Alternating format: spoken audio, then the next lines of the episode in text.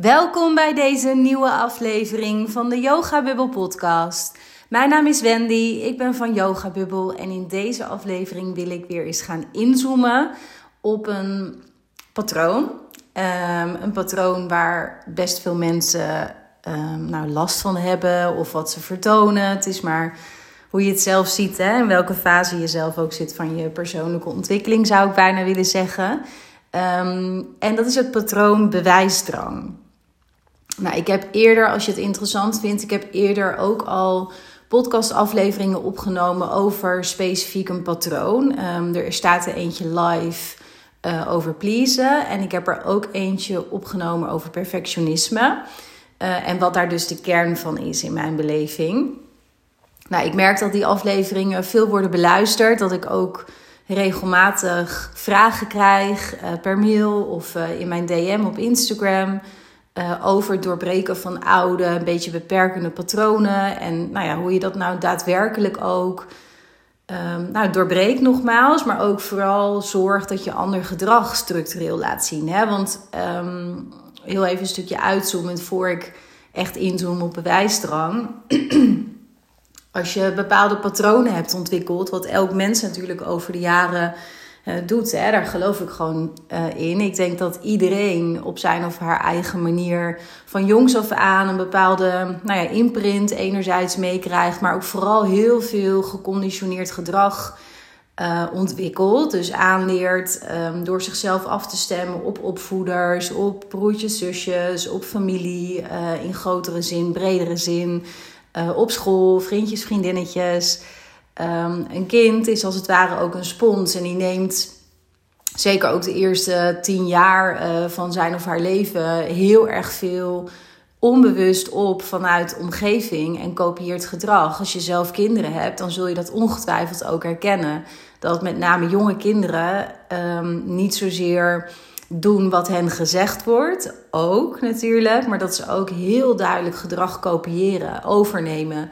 Uh, omdat er, als je jonger bent, ik ben natuurlijk geen arts, laat ik dat vooropstellen, maar als je jonger bent, dan zit er in je brein, je brein is nog niet helemaal volgroeid en er zit eigenlijk nog geen filter um, tussen jezelf en de buitenwereld, waardoor je eigenlijk alles, als ik het eventjes plat sla, alles wat je ouders jou vertellen, wat belangrijke mensen in jouw jeugd jou vertellen, neem je voor waar aan. Kijk maar wat er gebeurt met Sinterklaas. Dat is denk ik een heel mooi voorbeeld daarvan.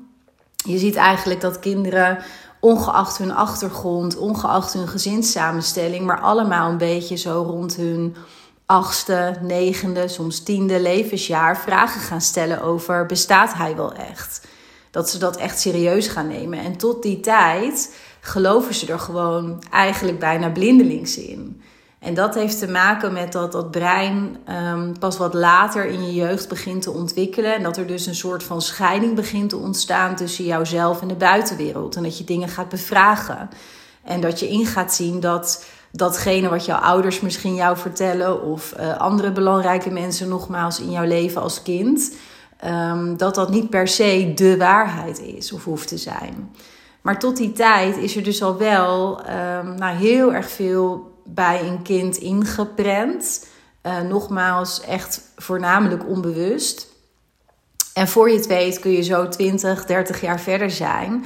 En een heel patronenstelsel eigen hebben gemaakt. Doordat je gewoon ja, je op een bepaalde manier bent gaan afstemmen op je omgeving. Of gedrag bent gaan kopiëren. Of heel erg bent gaan acteren hè, op een uh, beloning als het ware. Hè? Dus wat ouders vroeger jou in hebben beloond. Uh, dat hoeft niet letterlijk te zijn met fysieke spullen, maar meer ook in complimentjes of in uh, een bepaalde bevestiging die je altijd ergens op kreeg. heel makkelijk voorbeeld. Als jij bijvoorbeeld altijd heel erg. Um, nou ja, bent bevestigd in, in dat het heel belangrijk is om hoge cijfers te halen op school. Um, dan haal je daar een bepaalde waarde uit als kind. Hè? En dan ga je daar waarschijnlijk ook op acteren door gewoon zo hoog mogelijke cijfers te willen halen. Dat is een beetje wat ik bedoel. Dan gebeurt dat ongemerkt, maar je ziet dat je als je van jongs af aan op een bepaalde manier bij bepaalde situaties, in bepaalde situaties moet ik zeggen, uh, beloond werd, dat dat ook uh, vaak leidt tot een bepaald patroon. Nou ja, ik heb natuurlijk in de aflevering die ik over pleasen heb opgenomen, want dat is denk ik van alle afleveringen die ik heb opgenomen tot nu toe over patronen. Ehm, voor mij de meest persoonlijke, omdat ik zelf, als je ook vaker van mijn afleveringen hebt beluisterd, dan weet je dat ik ja, vroeger echt gewoon een slag in de rond uh, eigenlijk. Ehm, ik was altijd bezig met voor anderen zorgen, altijd mezelf wegcijferen, altijd maar mezelf ja, in zekere zin ook ondergeschikt maken aan de behoeftes, aan de wensen en de verlangens van een ander. Um, en ik denk dat dit iets is wat, wat voor met name voor vrouwen denk ik heel herkenbaar is. Want dat, dat hoor ik ook vaak. Maar wat ik ook heel vaak hoor is dus het patroon wat ik in deze aflevering wil bespreken. En dat is bewijsdrang. Um, en voor mij persoonlijk is dat iets minder herkenbaar. Al ken ik er wel delen uit, zeker. Maar bij mij kwam het uiteindelijk wel veel meer voort uit het pleasen. En niet vanuit die bewijsdrang. Um, maar vanuit mijn coachingspraktijk heb ik hier wel heel veel mee te maken. Dus ik dacht, nou, ik ga je wat over delen hoe ik er naar kijk, wat mijn visie daarop is.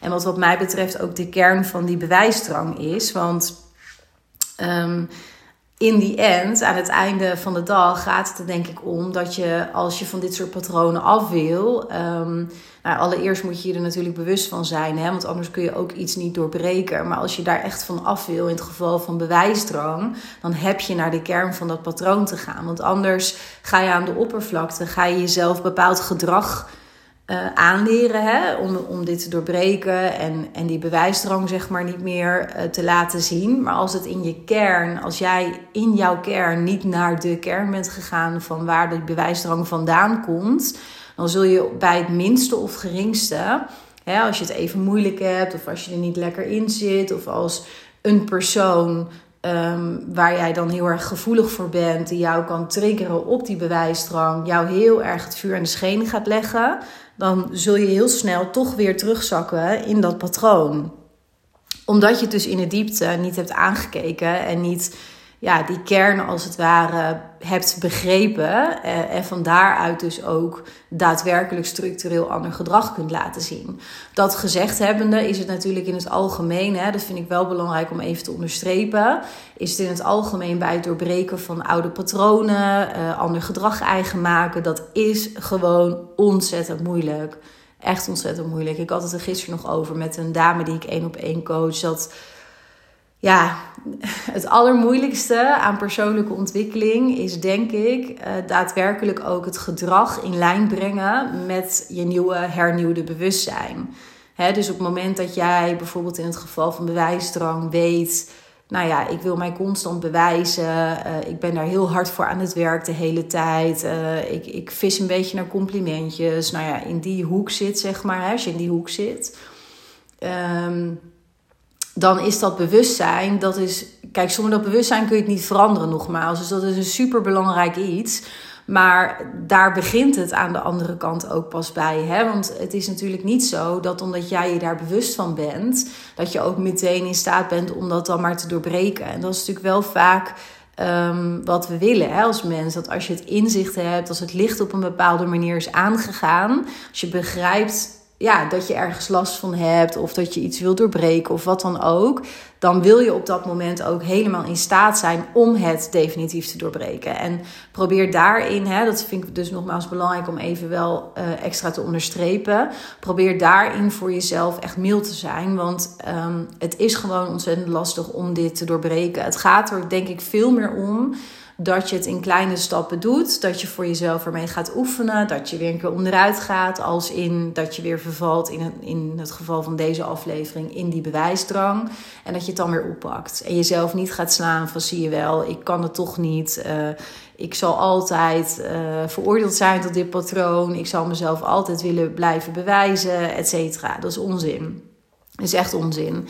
Groei um, is geen lineair proces. Dat willen we heel graag, maar dat is het niet. Het is veel meer een soort van rommelig, uh, cyclisch bijna proces. Waarin je steeds weer dieper zakt in jezelf. Steeds beter, denk ik, dingen kan zien en kan loslaten. En dus uiteindelijk ook nieuw gedrag eigen kan maken.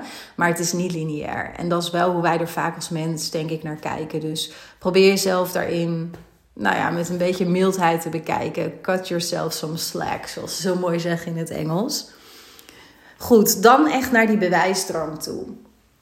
Want wat is bewijsdrang? Althans voor mij, dat dat ook even nou ja, duidelijk is in, in waar deze podcast voor mij zeg maar over gaat. Ehm, voor mij betekent bewijsdrang dat je altijd een enorm verlangen hebt, een enorme push voelt in jezelf om jezelf maar te bewijzen. Dat het altijd meer moet zijn, altijd beter moet zijn, altijd verder moet gaan dan wat jij eerder hebt laten zien, dan wel wat je ook in je hoofd hebt vaak. Um, uit zich ook vaak door een soort van. Ja, ik moet nu denken aan het rupsje nooit genoeg. Hè? Dus dat, dat jij het gevoel hebt van, nou, als ik dat behaal in je werk, in privé, wat dan ook, in sport. Als ik dat behaal, die doelstelling, dan, nou, dan ben ik er echt. Dan heb ik het echt supergoed gedaan. Of dan kijken mensen tegen me op. Of dan voel ik mij echt supersterk of onafhankelijk. Of wat er maar voor onderwerp is hè, op dat moment. Of wat de situatie op dat moment maar is. En dan kom je daar, dan heb je dat behaald. En dan voelt het leeg. Dan voelt het nog niet als genoeg. Dat bedoel ik met rupsje nooit genoeg. Dus bij bewijsdrang zie je heel sterk dat er eigenlijk een soort van nooit een einde in is. Het is nooit genoeg wat jij doet. Want je hoofd maakt je wijs dat als jij X doet, dan Y. Dan ben je er. Maar op het moment dat je daar aankomt, blijkt dat helemaal niet zo te zijn. Want dan voelt het nog niet als genoeg. Dan moet je nog meer presteren om uiteindelijk weer dat gevoel te kunnen krijgen waar je zo naar verlangt. Alleen dat gevoel waar jij naar verlangt, naar die vervulling en van oh het is goed en ik ben goed en ik heb dit goed gedaan, dat zal nooit komen bij, bij bewijsdrang.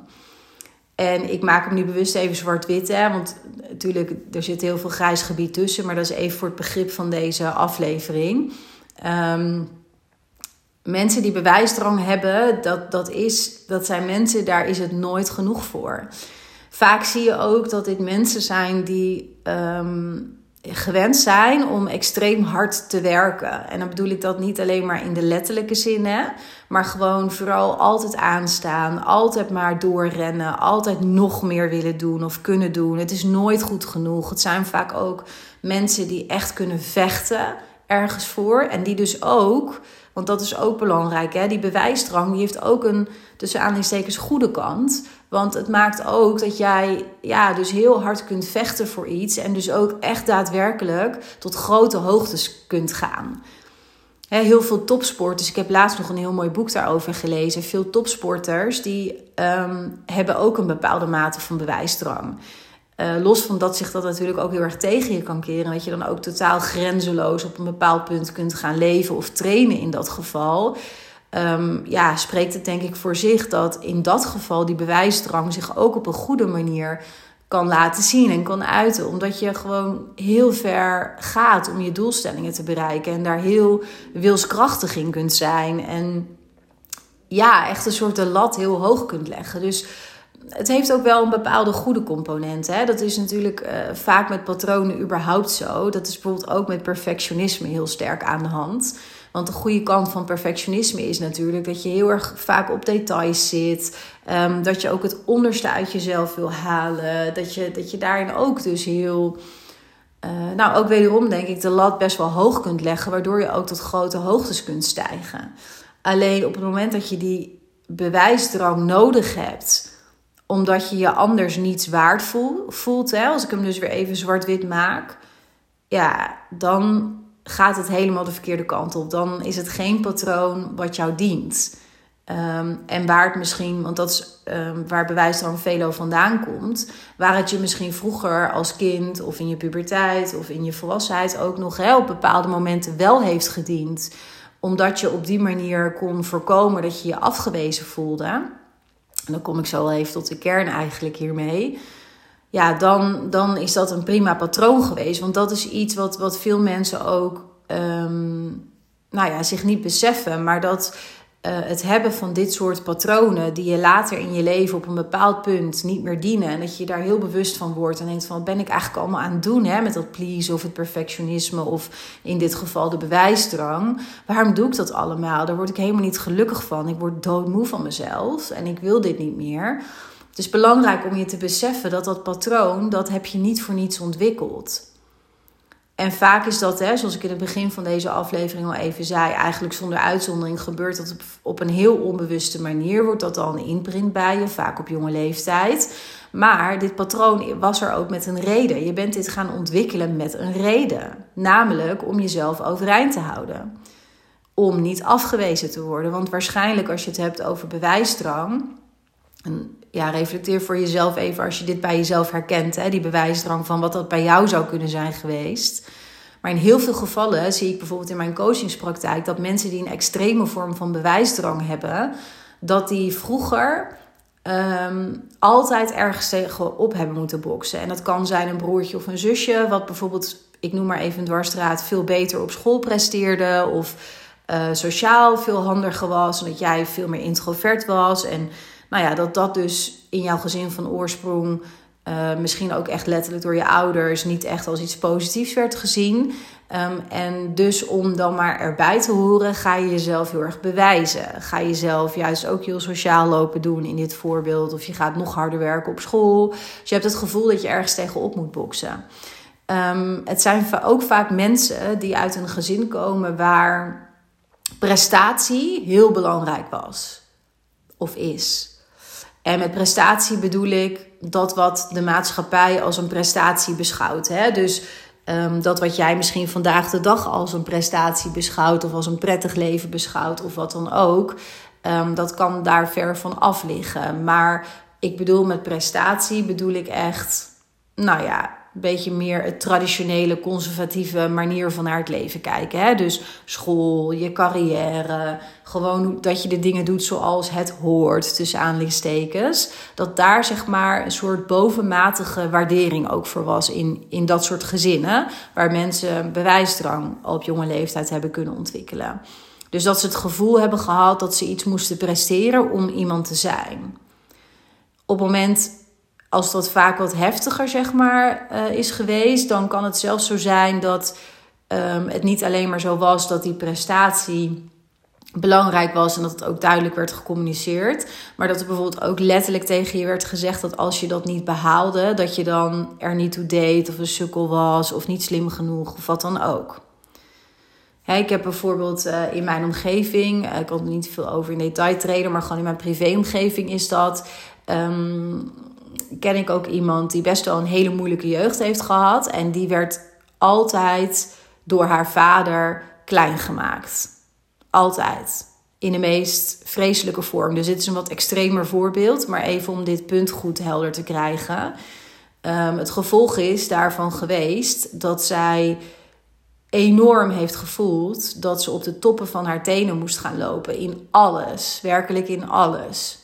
En dat ze zich heel erg moet bewijzen. Vandaag de dag is ze moeder van een jong gezin. En zelfs daar komt dat patroon terug.